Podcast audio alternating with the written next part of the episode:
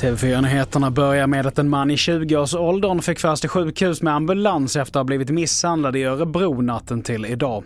Polisen larmades till ett slagsmål där flera personer varit inblandade och där låg den unge mannen på marken skadad när polisen kom till platsen. Och man misstänker att någon form av tillhygge har använts. Ärendet hanteras som grov misshandel och hittills så har ingen gripits. Vi fortsätter med att Frankrikes president försöker nu krishantera frågan kring sina omstridda kommentarer om Taiwan.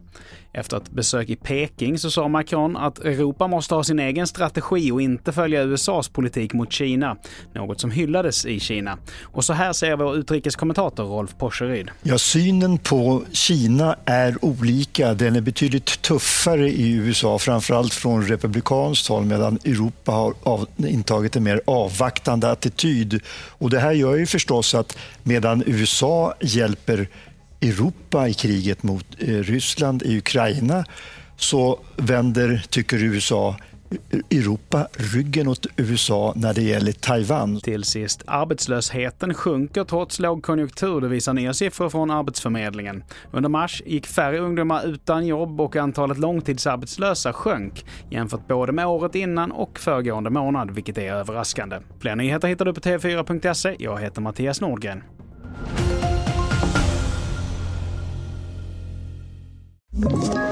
Ett poddtips från Podplay.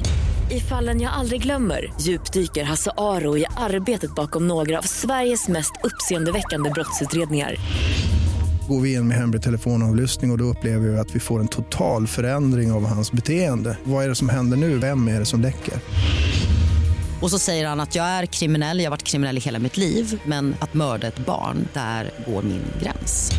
Nya säsongen av Fallen jag aldrig glömmer på Podplay.